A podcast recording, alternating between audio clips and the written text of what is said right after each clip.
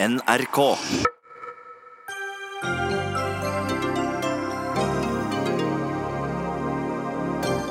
I dag kom beskjeden mange med boliglån frykta. Sentralbanksjefen hever styringsrenta. Umusikalsk i dagens situasjon, mener sjeføkonom. Canadas statsminister legger seg flat 18 år etter at han malte ansiktet brunt da han kledde seg ut som eventyrfiguren Aladdin. Hvis en beklagelse ikke er nok, er jeg redd for framtida, sier Arbeiderpartipolitiker.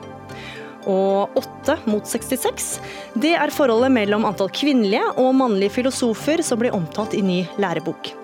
Hårreisende, mener tidligere filosofistudent. Viktig å ikke gi et skjevt bilde, svarer forfatter.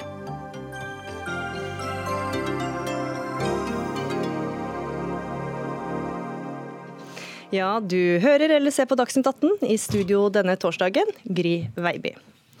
Nok en gang setter Norges Bank opp styringsrenta, denne gangen til 1,5% Dette er fjerde gangen renta settes opp på ett år, og har altså økt fra 0,5% i september i fjor. Avgjørelsen har vært fulgt med argusøyne både blant økonomer og kanskje spesielt blant folk med store lån. Vurderinga om renta skal opp betyr mye for mange, og får også helt konkrete konsekvenser for lommebøkene til folk. Øystein Olsen, sentralbanksjef. I dag så skrudde du altså opp renta. Det betyr trolig tusenvis av kroner ekstra i årlige utgifter for dem med boliglån. Har du litt dårlig samvittighet? Nei, det, korte, det er det korte svaret. Vi, vi, søker uh, å gjøre det som er riktig for uh, norsk økonomi totalt sett. Og da er det en rekke hensyn som vi avveier. Jeg tror de aller fleste folk skjønner at det å ha renter ned mot null, og vi hadde det i styringsrenten vår var også nesten ned mot null, 0,5 en, en, god stund. Det er ikke noe varefenomen, det er ikke sunt. Det blir for mye lån. Vi stimulerer boligmarkedet for mye. Når det nå har vært når norsk økonomi nå har kommet eh, opp med god vekst, veksten synes robust, eh, flere kommer i jobb, sysselsettingsveksten er sterk, inflasjonen som vi styrer etter, som vårt primære mål, er omtrent på målet, til dels litt, eh, litt over. Da trekker det i retning av at det er tid for å normalisere renten også. Ta noen skritt i retning av et mer normalt rentenivå, som vi nå nærmer oss. Så Det er viktig bakgrunn for den beslutningen vi tok i dag. Samtidig så, så er det krevende avveininger som vi foretar. og jeg kan godt være så ærlig at det var det denne gangen også. Vi, vi følger også veldig nøye med utviklingen internasjonalt. Ja, for Du fikk mye kritikk i dag for denne renteøkninga. Mange er bekymra for den internasjonale situasjonen nå. Storbritannia kan gå ut av EU uten en handelsavtale. Handelskrigen mellom USA og Kina trappes opp. og Mange vil mene at det er gode grunner til å ikke heve renta. Hva sier du til det? Vi ser det samme. Eh, norsk økonomi, Vi må sette renten ut fra hva som er summa summarum riktig for norsk økonomi. Men norsk økonomi er påvirket av de forhold du norsk nevner. Norsk økonomi fungerer jo ikke i et vakuum? Nettopp. Det er en liten åpen økonomi som definitivt er påvirket av forhold ute. Eh, som trekker i en annen eh, retning. Og som er et argument for å gå forsiktig fremme i rentesettingen, hvilket vi uttrykker. Men, eh, men, og det, også, det, var, det var to budskap vi kom med i dag. Det første budskapet er selve beslutningen. Vi tok et nytt skritt mot et mer normalt rentenivå. Eh, og hevet renten til 1,5, som fortsatt ikke er veldig høyt. Det andre budskapet er at vi nedjusterte det vi kaller, og det som er vår prognose for eh, renten fremover. Og slik det ser ut nå, ifølge den prognosen, så vil rentene bli liggende om lag på dagens nivå Eh, en, en god stund fremover. Dvs. Si stort sett ut den perioden vi ser på. Ja, hvor mange år betyr det da? Ja, Vi har en, vi har en horisont som strekker seg ut til 2022. så det er, det, er en, det er, en, god periode. Og Hvis det går akkurat slik vi ser for oss nå, så blir rentene liggende på om lag på det nivået eh, i den perioden. Og da har vi altså ikke kommet opp med et høyt rentenivå. Så det, må, det, vil også folk som har lån og andre helt sikkert eh, merke seg. Men når du ser på det som skjer eh, ute i verden, blir ikke du også litt bekymra for hva det kan gjøre med norsk økonomi? Jo, sentralbanker og ikke minst sentralbanksjefer er, eh, er, er, ofte bekymret. Vi følger nøye med. og det er riktig den, De begivenhetene som vi ser ute Vi ser, på, vi ser litt, svak, litt, svakere vekstutsikter. Vi ser ikke minst økt usikkerhet knyttet til handelskonflikter, sterk, stor usikkerhet rundt hva som skjer med Storbritannias utgang av EU. Det er annen type geopolitisk usikkerhet også. og Alt dette påvirker norsk økonomi. Det påvirker oljemarkedet, det påvirker oljeprisen, og det kan gå i begge retninger. Så, så ja, vi, vi, liker ikke den økte usikkerheten som er der ute. Og det trekker, har trukket i retning av at vi har nedjustert renteutsiktene våre fremover. Altså det andre budskapet som vi kom med i dag. Mm. SSB mente det ikke var nødvendig å sette opp renta. Hvordan forklarer du at dere tolker framtida ulikt? Ja, nå, med, med, mitt kjennskap til SSB, så, så, så, har jeg ikke egentlig hørt at de nå i ettertid har kritisert beslutningen. Men, men de er en, en, et prognoseinstitutt som, legger, som antar noe om hva vi kommer til å gjøre. Og I sin siste rapport så, så la de til grunn at vi kom til å holde renten i ro. Det er riktig. Samtidig, så For noen uker siden så kom du tilbake fra et møte med alle de viktigste sentralbanksjefene. og De senker alle renta, du hever. Hvordan er det å være den eneste hauken som du blir omtalt som? Altså, vi, vi, gjør det som er riktig, så i den forstand så føles det godt. Så er det, ikke noe, det er ikke noe mål i seg selv å skille seg ut. Og det er ingen, ingen tenkning rundt det i det hele tatt. Eh, men, men, grunnen er at norsk økonomi er spesiell. Eh, vi, vi, vi, skiller oss på mange måter ut. Og også i dag kan vi lese at danskene undrer seg veldig på E24. Ja, men... Dette viruset vil også nå Norge. Altså, hvem, hvilken danske, danske bank? Eller danske, en sjeføkonom i, i, Danmark. Flere Danmark fra utlandet undrer seg. Mm. De har låst sin valuta til euro. Eurosonen som en stor økonomisk region har eh, negative renter. Da har ikke den danske nasjonalbanken noe valg. De må, de må matche det veldig lave rentenivået uh, ute. Men jeg tror alle inklusiv sentralbanker, inklusiv de sentralbankene som begrunner en veldig ekspansiv pengepolitikk vi har sett renten langt ned under null, erkjenner at, at i seg selv så er ikke negative renter som vedvarer noe pluss. Det har noen åpenbare uheldige sider, som også begynner å bli mer og mer synlig. Vi er, vi er glad for at ikke vi er i den situasjonen. Norsk økonomi er i god vekst. Vi har, våre, vi har, oljen som en motor, vi har oljeinntektene, så vi har handlingsrom i finanspolitikken. Så vi er i en helt annen situasjon enn mange land rundt oss. Og Det er bakgrunnen for at uh, vi har kunnet uh, gå noen skritt i retning av et mer normalt uh, rentenivå. I alle fall så lenge, fått, så lenge kronekursen har holdt seg såpass svak som den har gjort. Det er også en en, en, viktig premiss for eh, det bildet vi har tegnet eh, i dag. Takk til deg, Øystein Olsen, sentralbanksjef. Vi skal ta inn noen økonomer og kommentatorer. Vi begynner med deg, Cecilie Langum Becker, økonomikommentator her i NRK. Når du hører sentralbanksjefen eh, snakke i dag, hvordan tolker du det han sier? Eh, han, eh, han, sier at, eh, at, den norske økonomien er veldig robust. og vi, Det han egentlig sier er at vi tåler en, en, innstramming til, fordi Norge er i en veldig spesiell situasjon. Så for han denne gangen, og som det ofte er, så er det de hjemlige forholdene som veier tyngst for han når han da har satt renten opp i dag. Mm. På NRK så skriver du det spørs om vi ikke egentlig burde ønsket oss litt høyere renter. Hva mener du med det? Ja, det Spørsmålet er jo alltid men hvorfor kan man ikke bare sette den ned? Hvorfor kan vi ikke bare ha lave renter. Og, og, og, for så vidt har du boliglån og bare tenker på det, så er jo det veldig behagelig. Men man må jo se på grunnen til at, eh, til at rentene er, er, lave. Og Hvis man nå hadde kuttet fra dette allerede lave nivået nå, så hadde du gjenspeilet en situasjon som hadde vært eh, utfordrende for norsk økonomi, og ikke minst for norske arbeidsplasser. Så det å gå rundt og ønske seg lavere renter på boliglånet, det er ikke sikkert at, man, at det hadde vært så positivt eh, verken på lønnsveksten din eller på dine muligheter i arbeidsmarkedet. Men Hva betyr denne renteøkninga her for folk i kroner og øre? Ja, har du et boliglån på 3 millioner f.eks., så har du nå på ett år med, med, en økning i renten på 1 prosentpoeng, så må du ut med 30 000 kroner mer i bare renter i året dersom du ikke tar med skattefordelen. Så for mange så er jo dette betydelig. Når det er sagt, så kommer de fleste av oss til å ha god økonomi fremover, også når man tar med denne rentehevingen. Vi har historisk lav arbeidsledighet og høy eh, lønnsvekst. Og rentene er jo tross alt historisk ikke så veldig høye som sentralbanksjefen var inne på litt tidligere her. Mm. Kjersti Haugland, sjeføkonom i DNB Markets. Hvordan vurderer du denne beslutninga om å heve renta? Ja, jeg eh, syns ikke det var en beslutning som jeg sjøl eh, hadde gått for. Eh, jeg mener det at timingen er dårlig.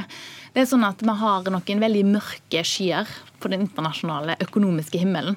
Og Noen av disse skyene er ganske nært forestående. Altså, Vi har f.eks. en frist for EU, eh, e eller Storbritannia sin utgang av EU, som nærmer seg med stormskrift. 31.10. Eh, Stor usikkerhet knyttet til hva som kommer til å skje der. Eh, vi har en eskalerende handelskrig, som du har vært inne på her. Vi har svakere nøkkeltall internasjonalt. Norges Bank har jo satt opp renta nå jevnt og trutt i, i en stund. Eh, og jeg mener det at i lys av eh, disse mørke skyene som truer nå i nær framtid, så ville det vært en klok beslutning når Norges Bank på forhånd hadde sagt at renta skal opp i løpet av året, og ikke velge september, men heller avvente litt og velge seg desember hvis da ting går sånn som de da legger til grunn. Først se hvordan det går, for så heve renta? Ja, jeg mener at det er ikke noe hastverk. Når du ser på norsk økonomi, så er det ingen av nøkkeltallene som skriker etter at eh, Norges Bank er nødt til å sette opp renta nå for å dempe kostnadspress, for å dempe gemytten i norsk økonomi, for å dempe boligmarkedet. Ting eh, går veldig bra i norsk økonomi, men vi vet veldig godt at den oppturen vi ser nå, den er midlertidig. Vi kommer til å få en vesentlig svakere vekst neste år fordi oljeboomen dabber kraftig av, og fordi at eh, eksportveksten vår kommer til å bli ramma av svakere etterspørselsvekst i Europa. Mm. Olav Chen, samfunnsøkonom og porteføljeforvalter i Storebrand. Hvordan vurderer du beslutninga om å heve renta? Nei, Jeg syns beslutningen var veldig god og eh, riktig. Nå er jo det litt nyanser her også i forhold til timingen eh, av rentehevingen. Men jeg syns jo alle de dataene som har kommet, pekte egentlig at man skulle heve eh, renten. Det går som sagt veldig bra i eh, norsk økonomi, og en av kanskje de viktigste faktorene som Norges Bank ser på, kronen, har også vært uh, veldig svak. Den svekket seg til og med uh, etter den rentehevingen vi fikk uh, nå. Så jeg syns jo når pilene peker opp, når stramheten tiltar, så var det riktig å heve renten. Så skjønner jeg selvfølgelig at alle ser jo de mørke skyene som har kommet, men mørke skyer kan også forsvinne. Og det har vi sett gang på gang. Hadde du bare kun spilt på brexit, da, så hadde du hatt tre år og ventet på brexit eh, i forhold til at det skal skje. Uh, hvis du tror på å si krasj i den kinesiske økonomien, så kunne du venta i ti år uten at det faktisk har krasja der. Så ting kan jo alltid skje? Ting kan alltid skje, og økonomer har en tendens til å være, vil jeg si, over Eh, bekymret. Og jeg tror Norges Bank også ser at de mørkeskyene har kommet. Så jeg mener heller eh, tvert imot at sentralbanken har kanskje vært for trege med å normalisere renten. faktisk, For de har hele tiden de bekymringene. Vi har sett gang på gang at de er reaktive til dårlige nyheter. Så hvis det skulle få en hard brexit, hvis det skulle ramme norsk økonomi, så vil de snu faktisk og eh, kunne potensielt Eh, kutte renten også. Det har vært, så Poenget mitt er at det har alltid vært eh, eller det blir alltid ropt ulv, ulv. Man kan ikke alltid være for bekymret heller. Vi er i den lengste konjunkturoppgangen eh, globalt, i hvert fall i USA, i nyere tid. Det er elleve år siden finanskrisen. Og hvis du på en måte klarer å løsrive deg fra på en måte dagens rentemøte, så er jo dagens rentenivå fortsatt rekordlavt. Mm. Det er jo egentlig sinnssykt at den amerikanske sentralbanken skal kutte renten når arbeidsledigheten er på det laveste nivået siden månelandingen, spør du meg. da. Eh, men eh, det er en annen diskusjon eh, sånn sett. Ja, Haugland, jo, Det vil jo alltid være mørke skyer i horisonten, og nå går det tross alt godt for norsk økonomi? Ja, og det er jeg helt enig i. Det går godt for norsk økonomi. Det er sterk vekst i øyeblikket, men som jeg påpekte, og det tror jeg Olav Kjenn er enig med meg i, Eh, er at denne veksttakten her kommer ikke til å holde seg oppe på disse nivåene. Den kommer tvert imot til å avta i tida som kommer, eh, selv om brexit ikke inntreffer på den mest dramatiske måten. Men jeg, jeg syns jo at de argumentene som blir tatt fram her, med at eh, renta burde blitt satt opp raskere. Det syns jeg gjenspeiler kanskje et slags ønske, et, en egen verdi i å få rentenivået opp. Jeg ser ikke sånn på renta, jeg ser på renta som et middel for å styre økonomien. Og det at vi akkurat nå har høy vekst, vi har eh, arbeidsledighet som er låg, eh, det ville vært et problem som skulle ha tilsagt en høyere rente hvis dette bare lå an til å fortsette, og hvis vi så at det bygde seg opp skikkelig press i norsk økonomi, at lønninger og priser bydde seg opp. Eh, det ser vi ikke. Norges Bank i dag legger faktisk ned sine anslag for lønnsveksten. De sier det at det er utsikter for at Norge òg blir mer lik andre land når det gjelder lønnsvekst. Altså at vi må forvente oss lavere lønnstillegg i tida som kommer. Så derfor så, Fordi jeg ikke mener at rentenivået i seg selv bør være høyere av en eller annen slags sånn ideell årsak, så mener jeg heller ikke at det er noe hastverk med å få renta opp. Mm. Uh, ja, nei, jeg, jeg, det, er, det er nyanser her, da. Men, uh, men jeg mener jo de på en måte har tatt nettopp det hensynet ved å faktisk nedjustere rentebanen. Fordi hvis du hadde sett i rentebanen tidligere, så har, har, jo det egentlig sagt at de skal normalisere renten enda mer. Så på mange måter kan jo nå husholdning puste litt lettet ut at på det rentetoppen slik de fleste tolker nå er eh, nådd. Men hadde de ikke tatt de hensynene som, som Kjersti her nevner, liksom i forhold til eh, må, må, eh, de mørke skyene, veksten faller, så ville jo egentlig normaliseringen bare ha fortsatt. Det er, liksom, det er jo også det som er poenget, at de kan justere fremtidsutsiktene. Og vi kan jo se at de lange rentene, fastrenta, har jo kollapset eh, nesten. slik at for husholdningene så har jo allerede det på en måte blitt eh, et faktum. da.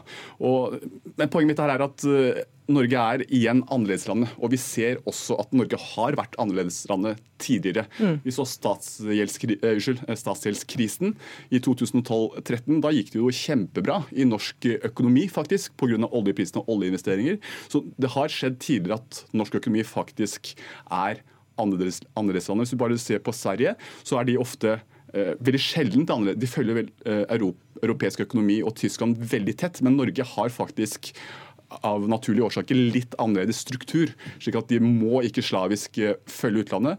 Og de trenger heller ikke eh, når kronen er så svak som eh, den er mm. nå. Ja, og mange ting jeg er enig i, men det skal jo også påpekes at eh, Sverige sin riksbank, eh, altså sentralbanken i Sverige, har jo negative renter. Og Årsaken til det er jo nettopp at eh, de har måttet følge på mye tettere sine europeiske kollegaer. Nettopp fordi de er mye mer sårbare for hva som skjer i Europa. Mm. Vi er et annerledes land, det er vi, men vi blir stadig vekk mindre annerledes. Og det er nettopp det som Norges Bank også anerkjenner i sin rapport i dag. De tror f.eks. på en vedvarende svak kronekurs fordi at at eh, Bl.a. fordi at vi nå er i ferd med å fase ut olja av norsk økonomi. Altså, det er en gradvis prosess, men likevel det er den veien det går. Så eh, jeg tror nok at det, det at vi tross alt har renter på i dag 1,5% i Norge altså rentenivået rundt omkring oss blant våre viktigste handelspartnere er altså minus. Så det gjenspeiler nettopp det at Norges, Norge er annerledeslandet. Og det ville da gjenspeilt til og med med ei rente med 1,25 mm. Vi skal dra inn en fjerde person her. Sissel Monsvold, du er sjeføkonom i Obos. Og Norges eh, Banks beslutning om å heve renta gjør at du frykter for boligmarkedet. Hvorfor det? Ja, jeg er bekymret for at uh, dette kan være med å gi et uh, boligprisfall. Det har vi jo et sjelden godt eh, balansert eh, boligmarked akkurat nå, men ikke noe høy fart. Men det er bra balanse mellom etterspørsel og tilbud, og vi har hatt en moderat eh, boligprisvekst lenge. Slik at Sånn så ser ikke jeg noe behov for at renten skulle øke nå. Jeg mener at sentralbanken kunne hatt litt is i magen og ventet og sett an situasjonen, fordi at vi forventer svakere vekst framover. Mm. Statistisk sentralbyrå de spår jo den laveste prisveksten siden, neste år, da, siden uh, finanskrisen. Og Da forstår ikke jeg helt hvorfor man trenger å øke renten nå. Men uh, som vi hører her, så er det jo noen som vil si at krona er svak, det går godt i norsk økonomi. Hvis man ikke skulle heve renta nå, når skulle man da gjort det? Ja, jeg mener jo at man fortsatt kunne hatt litt is i magen. fordi at Eh, jeg tenker, for at man skal være fremoverskuende, og Norges Bank skal jo være fremoverskuende, og det ligger jo helt klart an til at veksten i norsk økonomi blir svakere fremover. Så da hadde ikke dette noen hast nå. Mm. Men vi kan jo håpe på at det går bra likevel. Men jeg mener at eh, det var ikke nødvendig å gjøre det nå. Mm. Vi kunne sette an situasjonen. Moderat boligprisoppgang lenge må jeg si er litt uenig i. Da. Jeg mener det har vært for høy boligprisoppgang. og Det er jo det som er kimen til problemet også at uh, gjeldsveksten fortsetter å øke, sånn som uh, Øystein Olsen her sa. Mye høyere enn lønnsveksten. Så, det er jo, så dette er gode nyheter, da, for det kan gi et prisfall i boligmarkedet? Ja, For unge så er det et godt, gode nyheter. og det, er jo hele tiden avveiningen mellom kortsiktige hensyn og langsiktige hensyn. Det er det Norges Bank må gjøre. Det er veldig enkelt å hele tiden fokusere på de kortsiktige tingene. Da er jo renter bra, ikke sant? at du skal stimulere økonomien. Men hvis du fortsetter å ha så lave renter, så vil jo det fyre opp gjeldsveksten videre. Tvert imot ikke stabilisere og faktisk fyre opp eh, boligmarkedet, spør du meg. da, og Det er jo et langsiktig problem som gjør at du eh, på lang sikt vil få større utfordringer og kanskje større svingninger og større kostnader, samfunnsøkonomiske kostnader hvis det skulle komme en korreksjon. Mm? Ja, Man kan jo mene på en måte at det skal være lettere å komme inn på boligmarkedet nå. Men, men det er jo også sånn at hvis vi skulle få et prisfall, så vil jo også boligbyggingen eh, avta. og Dermed så vil det liksom komme inn i en periode igjen med veldig lav boligbygging, som i neste omgang hever prisene, altså bidrar til sterk prisvekst. slik at, eh, og Da kan det bli vanskeligere å være kjøper igjen. slik at Det vi syns er bra nå, er jo på en måte at vi har klart å holde et stabilt eh, boligmarked uten de store svingningene.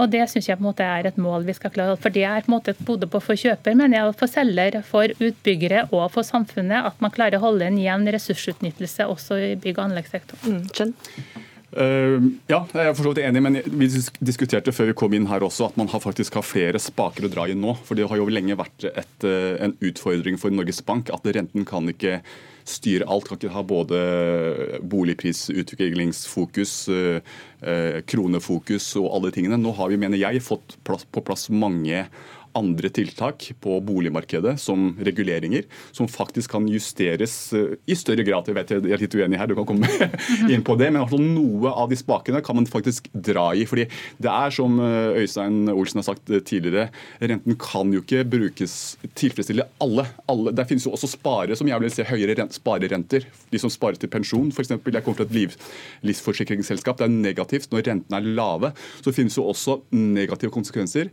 ved at rentene er såpass såpass lav. Mm. Vil du kommentere? Ja, jeg kan kommentere litt. Jeg mener jo at eh, vi har jo en eh, boligforskrift som jeg mener eh, virker relativt bra i dag. Jeg har noen svakheter. Men, men, og I tillegg så har vi da fått en regulering av forbrukslån, og vi har et gjeldsregister.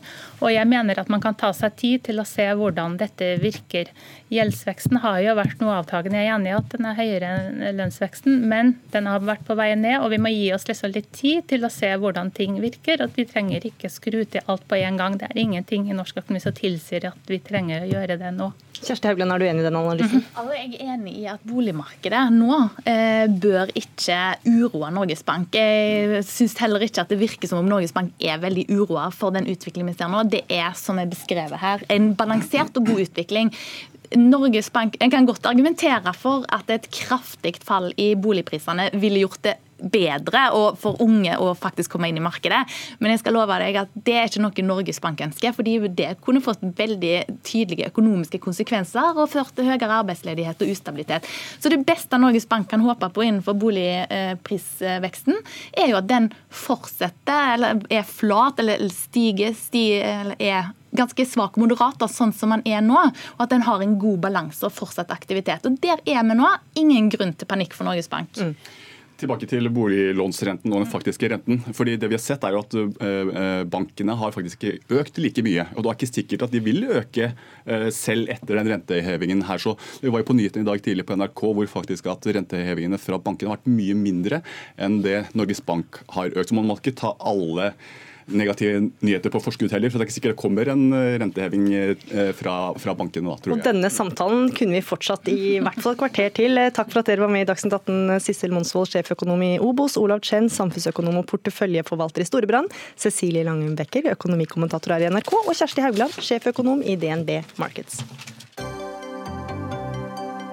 Dagsnytt 18 alle hverdager klokka 18.00 på NRK P2 og NRK2.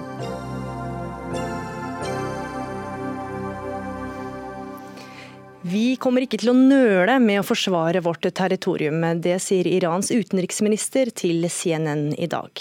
USA anklager Iran for å være involvert i helgas angrep på oljeanleggene i Saudi-Arabia. Og Kjetil Selvik, seniorforsker ved NUPI, Norsk utenrikspolitisk institutt. Hvorfor sier Iran dette? Det tror jeg vi kan tolke som et innspill i den debatten som raser i USA nå, om hvordan man bør svare på dette angrepet, fordi man legger til grunn at Iran har hatt noe med det å gjøre. Og Da er det spørsmålet da om man har de som hevder at her må man trekke en grense for Iran. Man må svare militært for, med hensyn til avskrekking, vise Iran at det går en grense. Dette kan de ikke gjøre. På den annen side har du de som advarer president Trump om å gjøre noe sånn, vil utløse en storkrig i regionen. Og det er kanskje det eh, man fra Irans side også understreker. Ja, For hvor stor krig kan Iran sette i gang? For å forstå Irans forsvarsstrategi må vi si at Iran er en militært underlegen part når det kommer til konvensjonell krigføring. Men de har mange asymmetriske trusler. og De har en forsvarsstrategi som er bygget opp rundt disse truslene. De har et betydelig arsenal av eh, droner, særlig missiler som kan gå, nå ganske langt. De har massevis av små båter som kan lage kaos i Persiabukten, stenge av oljetransport. Eh, de kan eh, lage mye ustabilitet. De har strategiske allianser med paramilitære grupper eller militsgrupper rundt omkring i flere land i regionen, som også kan angripe amerikanske mål. slik at Muligheten til Iran for å svare er betydelig, og det er ingen tvil om at de vil svare på et militært angrep. Og så forteller du at det er ulike meninger innad i USA, men eh, så vidt jeg forstår så har de sagt at de forbereder nødvendige tiltak. Men hvor trolig er det at USA kommer til å gjøre noe? Vel, eh, Det er jo noe av det som er spennende med situasjonen, at vi har en president i USA som er kjent for sin uberegnelighet, og trekker det fram som en, en, en kvalitet at man bør være uberegnelig for å kunne forhandle, for å tvinge land i kne. Jeg tror vi kan se Iran som en aktør som har tenkt til å spille litt det samme spillet som har tenkt å vise president Trump at de også kan dra uventede kaniner opp av hatten, og at denne, du ikke kan presse Iran og påføre Iran eh, smerte, økonomisk smerte, uten å regne med at det vil få konsekvenser, destabiliserende konsekvenser for internasjonal økonomi og sikkerhet. Og så er, sier Houthi-militsen i Jemen at de står bak eh, oljeangrepene. Men eh, Saudi-Arabia og USA tror fortsatt at Iran har bidratt. Hva er forklaringen på det? Forklaringen på det er jo dels da at eh, man har en veldig ideologisert lesning at at, at houthiene i Jemen egentlig bare er marionetter for Iran. Man ser helt bort ifra at houthiene har en lang historie med, som opprørsgruppe i Jemen, og at de har sine egne grunner til at de har vokst frem, eh, og at de som sjiamuslimsk gruppe per definisjon er, er Irans nikkedukker. Men uh, utover det så er det også vist til at dette er langt fra jemenittisk territorium. Man spør seg hvordan Eh, Houthiene har fått til dette angrepet, som er jo flere hakk opp enn det de har vært i stand til å gjennomføre tidligere. Det er et for et avansert eh, angrep, rett og slett, til at de kan stå bak? Ja, det er grunnen til at spørsmålet stilles. Mm. Så har Trump sagt at han ønsker samtale med Irans eh, president, men hvor trolig er det?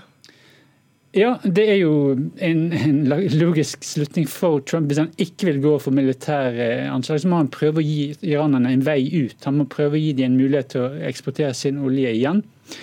Problemet fra en iransk side er at de ser på denne mannen som en mann som har påført landet uh, ubøtelig skade uh, på helt sviktende grunnlag. Iran har stått ved atomavtalen. og Trump bare trakk seg og så plutselig begynte å dytte masse sanksjoner på landet. Slik at for en iransk president som Rouhani å skulle stå i en sånn fotosession med president Trump og smile, så er det litt å legge seg på en hoggestabbe når du kommer hjem igjen i den hjemlige politiske debatten, der eh, du da vil bli dømt for, for, for å smile og nikke til, mm. til fienden. Slik at Iran må få noe på bordet, de må få noe konkret dersom de skal faktisk møte president Trump. Og Jeg personlig har litt vanskelig for å se at det skal skje. På den andre siden så er det klart at presset mot Iran, det økonomiske presset, har også en betydelig effekt. slik at Iran er også interessert i en vei ut. I hvert fall noen aktører i Iran, og det er noe av problemet her. For man har en mangefasettert bilde i Iran. Aktører som ønsker en eskalering, og aktører som ønsker moderasjon. Mm. Og aktørene som ønsker eskalering, eh, vil jo da få blod på tann dersom de ser at de kommer unna med stadig høyere press, uten at det får konsekvenser. Og så siste spørsmålet, 100-millionersspørsmålet kanskje. Hvor bekymra er du for situasjonen? Kan det bli krig? Det kan absolutt uh, bli krig. Uh, og Det er svært bekymret for situasjonen. Nest fordi at jeg ikke ser en, en åpenbar vei ut. Jeg tror det blir vanskelig. men uh, det å få til det man fikk til med atomavtalen, var en, en, faktisk en bragd. Fordi man fikk til både en intern opinion i USA og Iran til å bli enige om denne avtalen. Med en gang man har liksom eh, sådd tvil ved den, så er veien åpen for eh, de som vil eskalere i ulike retninger. Mm, det er usikre tider i møtet. Takk for at du kom og fortalte eh, litt om situasjonen for oss, Kjetil Selvik, seniorforsker ved NUPI.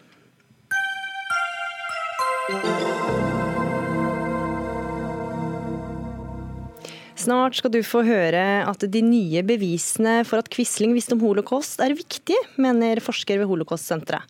Sprøtt å servere dette som en nyhet, mener historiker. Men eh, først. Studenter over hele landet tråkker i disse dager inn i lesesaler og auditorier på høyskoler og universiteter. Nå får Norges teknisk-naturvitenskapelige universitet, NTNU, kritikk for hva de serverer studenter som skal ta forberedende, eller X-FIL, som er et kurs alle må gjennom for å ta bachelor. Det skriver Klassekampen. For i pensumboka 'Tanke og handling filosofi, vitenskap og samfunn' er kun åtte kvinner nevnt i bokas kildeliste. Til sammenligning er det 66 menn. 33 menn blir nevnt i egne kapitteloverskrifter, og kun én kvinne. Anna Kvam, tidligere filosofistudent og nå spaltist i Dagbladet. Mange kjenner altså som tidligere politiker for Miljøpartiet De Grønne. Du er en av dem som reagerer. Hvorfor det? Ja, jeg eh, reagerer, og kanskje mest av alt reagerer jeg på en litt sånn eh, spørrende måte. Eh, ikke bare pga. Eh, den boka og innholdet som er der, men også etter å ha sett hvordan forfatterne har reagert på den kritikken som har kommet. For i stedet for å faktisk gå inn i materien og begrunne eh, godt hvorfor man eh, har eh, utelatt eh, såpass mange kvinner som man har gjort, eller i det hele tatt forklare om man har vurdert noen kvinner som eh, ikke kom med eh, til slutt, så har man heller flyttet debatten til å handle om, eller påstått at det har vært et eller annet krav om å kvotere inn kvinner. Eh, og det er ikke mitt anliggende at man skal sette en eller annen andel for hvor mange kvinner som skal og må være på pensum, men det jeg er bekymret for, er om man rett og slett ikke har lett godt nok etter kvalitet hos et større mangfold av tenkere. Men så vil jo mange si at disse tallene bare reflekterer eh, rådende konsensus i faget. Det er jo tross alt flest mannlige filosofer. Hva har du å si til dem? Eh, ja, men det er også vitterlig sånn at vi gjennom en del større forskningsprosjekter de siste tiårene har blitt mer og mer klar over at det fantes ganske mange flere virksomme kvinnelige filosofer, eh, ikke bare allerede i antikken, men også i opplysningstida, som både eh, ble lest, som ble publisert, som ble debattert og hadde stor innflytelse i sin samtid, men som ikke er kommet inn på kanon. Og Da mener jeg at vi kan ha en diskusjon om hvorvidt det kan finnes andre grunner eh, enn bare kvalitet til at de ikke er kommet inn, eller til at de ikke er blitt vurdert skikkelig engang. Mm. Truls eh, Willer, du er medforfatter eh, av boka, du er professor ved NTNU. 33 menn altså blir nevnt i egne kapitteloverskrifter, og kun én kvinne. Hvorfor fant dere ikke plass til flere? Det henger jo sammen med at vi har vent oss i ganske høy grad til tradisjonen, som Anna er inne på. Og jeg har lyst til å bare si noe veldig kort om boken først. Ehm, det er jo ikke slik at ikke vi har ønsket å diskutere bokens innhold. Tvert om, det er avisene som har vært ensidig opptatt av kvinneprosenten før boken er anmeldt, før leseren vet hva den handler om, osv. Men forstår du det, at det har vært mye oppmerksomhet rundt eh, kvinneprosenten? Det, det, kan man jo alltid forstå, men jeg mener at det likevel er en avsporing av hva som er viktig i denne sammenhengen. Eh, det ser jo veldig ensidig ut eh, med de tallene som du nevner. Det er klart. Men hvis jeg bare kan bare si litt om boken, som sagt, så er jo tilnærmingen er at vi prøver å gi en innføring i, i filosofisk og vitenskapelig tenkning. Og den innføringen tar utgangspunkt i kvalitetskrav til offentlig debatt i et land som Norge. Og Da er det veldig viktig i offentlig debatt at man ser bort fra person og diskuterer sak. Ser bort fra bakgrunn og prøver å komme fram til rettferdige, gode standpunkt i den politiske debatten. Og akkurat den samme saklige holdningen skal jo, bør jo prege vitenskap. Både naturvitenskap og annen vitenskap. Og For å få liksom, kjørt igjennom disse poengene, så har vi lange historiske tilbakeblikk. Vi legger stor vekt på den vitenskapelige revolusjonen i renessansen. Og vi framstiller mange astronomer, fysikere, biologer fra, fra Copernicus og fram til Darwin. I naturvitenskapene så er det jo slik at der har kvinner i veldig liten grad gjort seg gjeldende. Jeg ser ikke helt poenget med å se bort fra det og prøve å kvotere inn eh, kvinner, som vel de fleste oss sier at de egentlig ikke ønsker.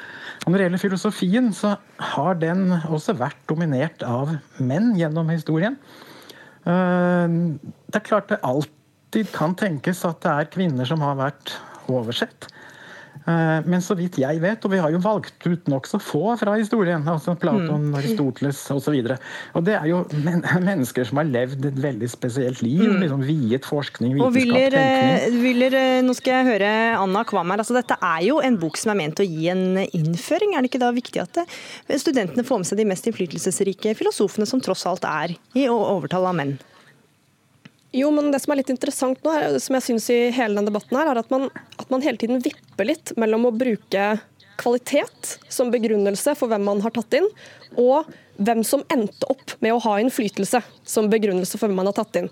Eh, og Hvis vi konsentrerer oss om, om filosofien her nå, da, eh, foran naturvitenskapene, så er det jo slik at hvis eh, de som hittil har hatt mest innflytelse ved å være kanonisert, hvis det er eh, de som skal tas inn nettopp derfor, så må man jo huske på at man jo også ved å lage en bok som dette er med på å forme hva som blir kanon. Og Da kunne man jo tenkt på om man kunne tatt inn noen flere fra vår nyere historie. F.eks. i kapitlet, eller i den delen av boka som handler om totalitarisme. Hvorfor har man ikke med Hanna Arendt der? For. Mm. Det kunne vært et bidrag til å være med på å gjøre kvinner der de fortjener det, innflytelsesrike på kanon. Men tilbake, hvis det ikke er innflytelse som skal gjelde, men, men, men kvalitet da, som skal gjelde, så vil jeg jo gjerne spørre Wyller tilbake. Er det er det noen andre eh, som ble vurdert? Er det noen kvinner som ble vurdert og tatt inn på de eh, kapitlene eller de delene av boka som handler mer om filosofihistorie, og som dere utelot? Og i, i så fall, hvorfor ble de utelatt? Ja, Willer, du skal få svare. Ja, ja, ja. Nei, det, det, er klart det er veldig relevant, den debatten om forholdet mellom innflytelse og kvalitet. Og Et par kvinner har vi vurdert. Eh, faktisk Den ene som du nevner, Hanna Arendt. Det er ingen tvil om at hun er en veldig viktig politisk tenker. Eh, det var litt sånn for og imot. Hun havnet utenfor denne gangen. Men vi er men, jo men, veldig tenk, åpne for men, Willer, tenker dere at dere hadde et ansvar kunne dere, nei, ville, men kunne dere hatt et ansvar for å vippe opp kjønnsbalansen, nettopp ved å ja, velge sånn som Hanna Arendt? Og, og, nettopp derfor så jeg tror jeg vi forfattere er enige om at vi tar gjerne med Hanne Arendt i en i, i en revidert utgave av, av boken.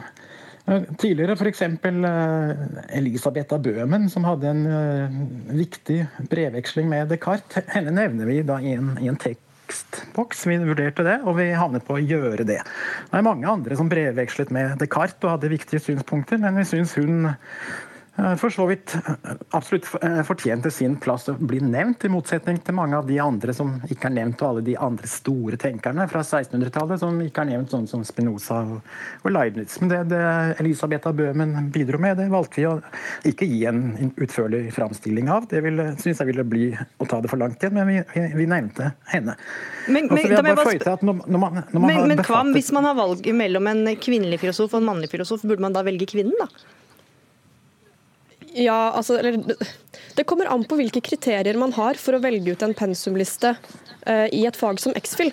Jeg er jo av den oppfatning at i et fag som X-FIL, som skal gi studentene redskaper for å tenke kritisk om tenkning, at kanskje nettopp i det faget så er faktisk representasjon i seg selv en verdi. Men, men, men det er jo også en interessant diskusjon om det skal være det eller ikke. Og jeg kan gå med på uh, at det finnes grunner til at det bare er liksom teoretisk kvalitet som skal være en verdi. Og da er det jo kvalitet som bør telle, og ikke kjønn. Men poenget mitt er jo at gitt at det fantes ganske mange kvinnelige filosofer allerede på 1700-1800-tallet som vi ikke vet noe om, så er det grunn til å liksom spørre disse redaktørene kritisk om man har vurdert dem godt nok. Mm. Nettopp fordi det er vanskeligere å vurdere de som er på vei inn i glemselen av ulike grunner enn de som allerede er pleiet og beskyttet på kanon. Og Denne debatten vet jeg kommer til å fortsette. Krono forteller at det er diskusjoner på NTNU om man nå skal gjøre en ytterligere revidering av den nye X-Fill-boka, og om man eventuelt skal skrive en helt ny pensumbok. Dette var alt det vi rakk i denne debatten, eh, Truls Wyller, medforfatter av boka 'Tanke og handling filosofi, vitenskap og samfunn', og professor ved NTNU, og Anna Kvam, spaltist i Dagbladet og tidligere filosofistudent. Hør Dagsnytt 18 når du vil. Radio NRK Radio.nrk.no.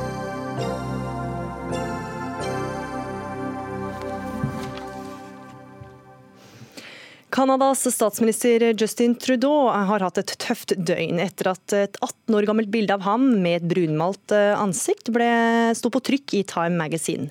På bildet, som er fra en fest med tema arabisk natt, ser vi den da 29 år gamle Trudeau ikledd en arabisk-inspirert kåpe og turban. Ansikt, hals og hender var sminka mørk brune. Og nå legger han seg flatt. In 2001, when I was a teacher out in Vancouver. I attended an end of year gala where the theme was Arabian Nights. And I uh, dressed up in an Aladdin costume and put makeup on.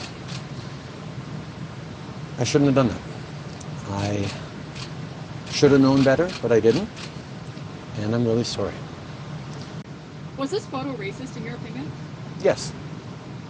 Yes, it was. I didn't consider it uh, a racist action at the time, but now we know better, and this was something that was unacceptable, and yes, racist. Dette var uakseptabelt, men jeg visste ikke bedre den gang, og jeg ber om unnskyldning, sier Canadas statsminister her. Anders Magnus, korrespondent her i NRK i USA. Hva er reaksjonen i Canada etter at dette bildet ble kjent? Ja, Det er jo ikke reaksjoner bare i Canada, der er de voldsomme. Men det er også reaksjoner her i USA, fordi det har vært lignende tilfeller med politikere her tidligere.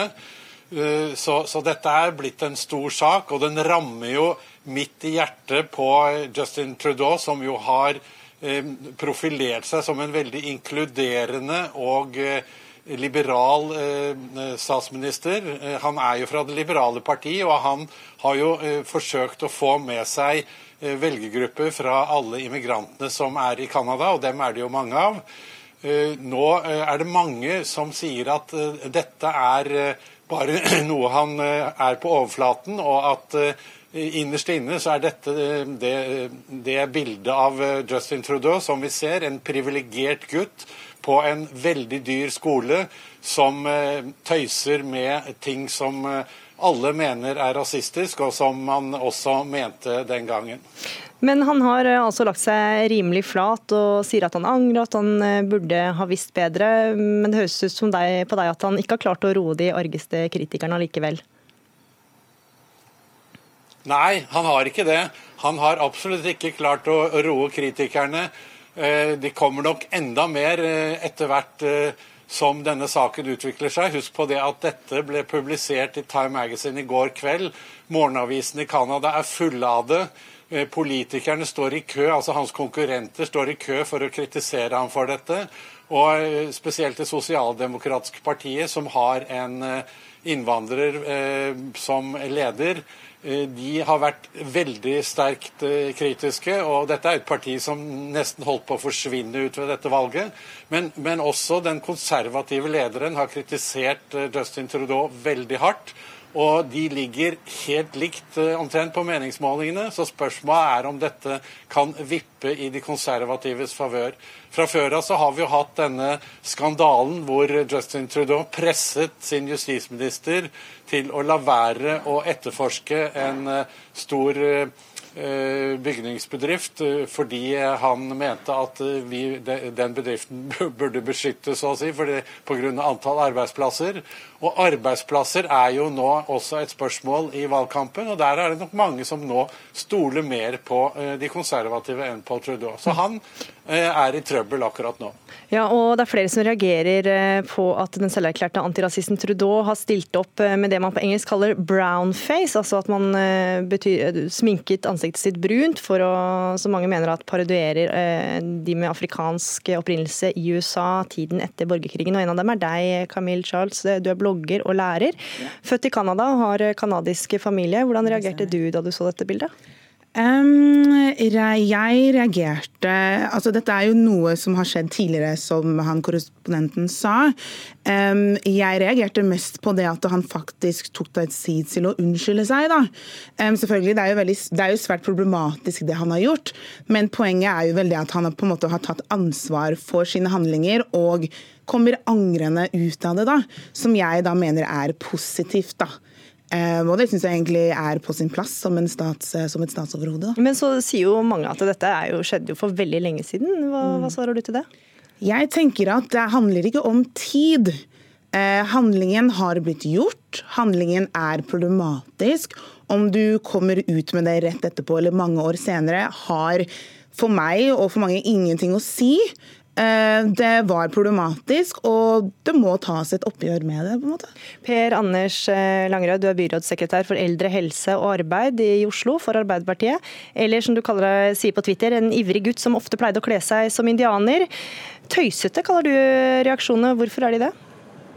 Nei, jeg mener ikke at uh, unnskyldningen og reaksjonen er tøysete i det hele tatt. Det er absolutt på sin plass. Det er som Trudeau selv sier, det var en uh, rasistisk handling, og han beklager og legger seg flat. Sånn skal vi ikke ha det. Så det er helt riktig. Men når sånne ting er med på å avgjøre et valg, uh, så mener jeg vi må stille et spørsmålstegn. For det viktige å kreve av politikere er jo hvilke meninger og hva de har gjort for å bedre rasistiske, antirasistiske holdninger i samfunnet. Hvordan de har slåss mot den fremmedfrykten som vi ser vokser nå. Det er jo det som burde avgjøre et valg, ikke hva man gjorde for 18-19 år siden, når man også sier unnskyld og selv sier 'jeg er antirasist'. Mm. Og da mener jeg at unnskyldning, verdien av å si unnskyld, må, eh, må ha reelt innhold i verden. Uh, og Da må vi ta ham på det ordet, og heller se hva partiene vil gjøre med uh, de ulike tingene. Så her burde kritikerne bare sagt han har sagt unnskyld, da legger vi denne ballen død? Her burde vi sagt unnskyld, eller her burde vi lagt vekt på at han sier unnskyld. Og så burde vi eh, vurdert om vi tror på det, eh, og høre hva han, han, har å si. Og så sett mer på hva de ulike partiene mener må gjøres med de rasistiske holdningene eh, som eksisterer i samfunnet. Og det bør være mye, mye viktigere.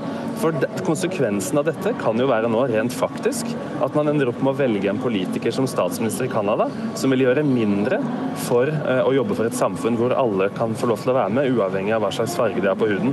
Og Det mener jeg viser at disse debattene pleier å spore helt av, og da er det viktig å være litt nøktern. Hmm. Hva tenker du om at det er så lenge siden det skjedde, Langerød? Er det, er det vits å be om unnskyldning da?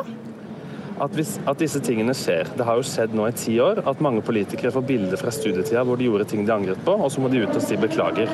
Det viser at verden går framover. At det er utvikling og fart. Nå skjønner vi mer enn det vi gjorde før da ser fortida veldig rar ut. Og det er jo kjempebra. Og da tenker jeg at da må vi ha rom for eh, og forståelse for at folk nå ville gjort andre ting enn det de ville før. Hvis du ser på avisene og hvordan de omtalte innvandring på 70-tallet, 80-tallet, 90-tallet, så var jo det ord vi nesten ikke kan forstå var mulig å bruke i dag. Og da må, tenker jeg vi må forstå når folk sier unnskyld. Mm. Ja, eh, Camille Charles, eh, denne unnskyldningen, syns du den er troverdig?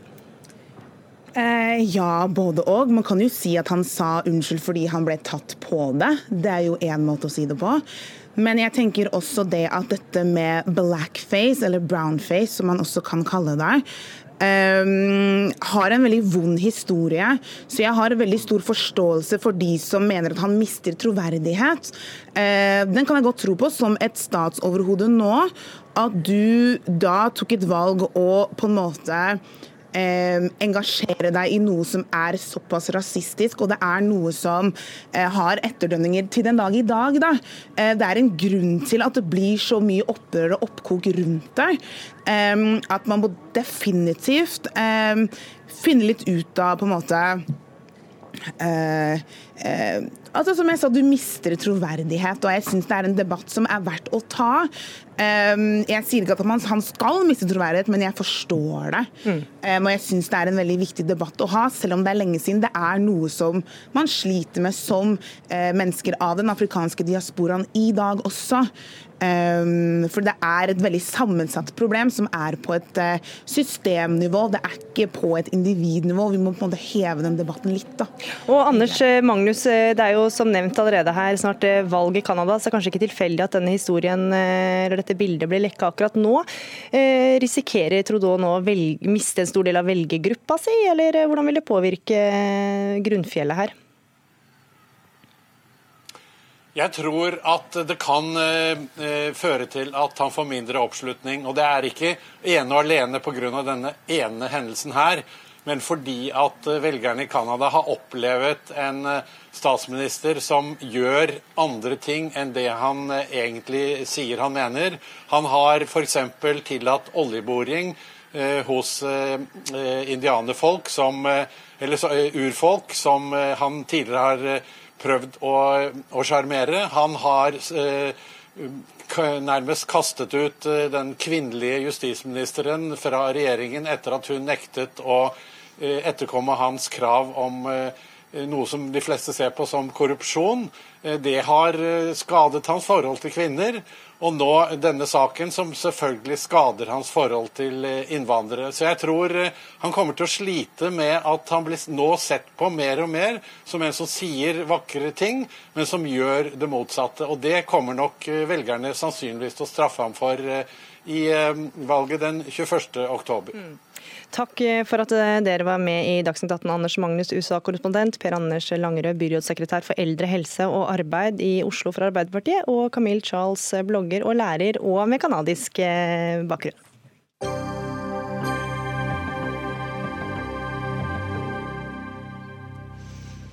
Så til spørsmålet om hva Quisling visste om jødeutryddelsen. Som kjent bedyra han selv at han ikke visste om jødenes skjebne i konsentrasjonsleirene i Tyskland, og at han derfor ikke kunne anklages for handlinger som førte til drap på jøder. For en uke siden kom historikeren Carl Emil Fugt med bevis for at Quisling fikk tilsendt svenske avisartikler i 1942, der jødeutryddelsen ble fastslått, og nå er det en viss uenighet om viktigheten av dette funnet. Mats eh, Tangestuen, Elvestuen, eh, som historiker eh, sier du til Klassekampen at funnet tillegges eh, for stor vekt. Hvordan begrunner du det?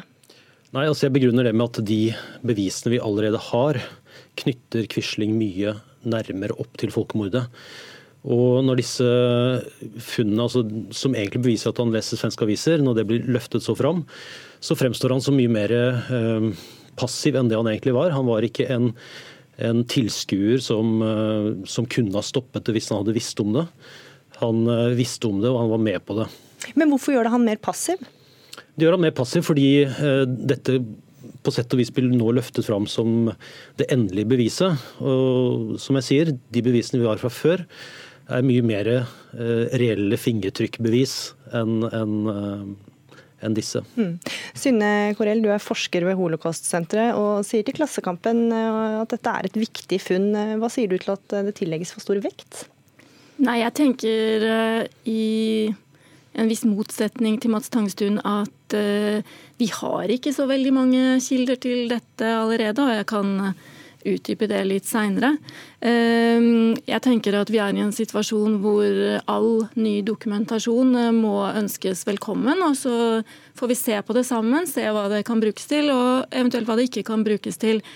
Og så tror jeg vi er helt enige om, eh, og det tror jeg alle som har jobba med dette feltet eh, slutter seg til, at vi, vi, får aldri det endelige beviset i den formen som, som som noen kanskje ønsker seg. Og da er det mer det at vi står overfor et puslespill med biter og brokker som vi kan legge sammen eh, og komme et lite stykke videre. Men hva sier du til det at dette puslespillet allerede er eh, ganske lagt? Det finnes sterkere bevis for at Quisling visste om jødeutrydelsene?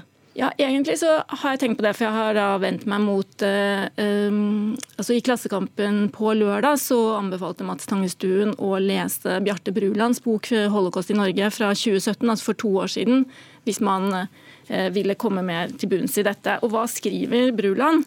Uh, for det første så bruker han underoverskriften 'Hva regimet visste'. Eh, selv om da Mats Tangestuen mener at dette, feltet, altså dette temaet egentlig ikke diskuteres lenger.